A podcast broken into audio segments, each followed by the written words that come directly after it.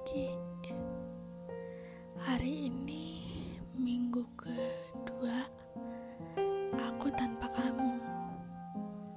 Berat, tapi tetap aku jalanin. Soalnya demi kebaikan aku sama kamu juga. Kalau dibilang aku sedih, ya aku sedih. Tapi aku lebih sedih kalau tetap berada di hubungan kayak gini.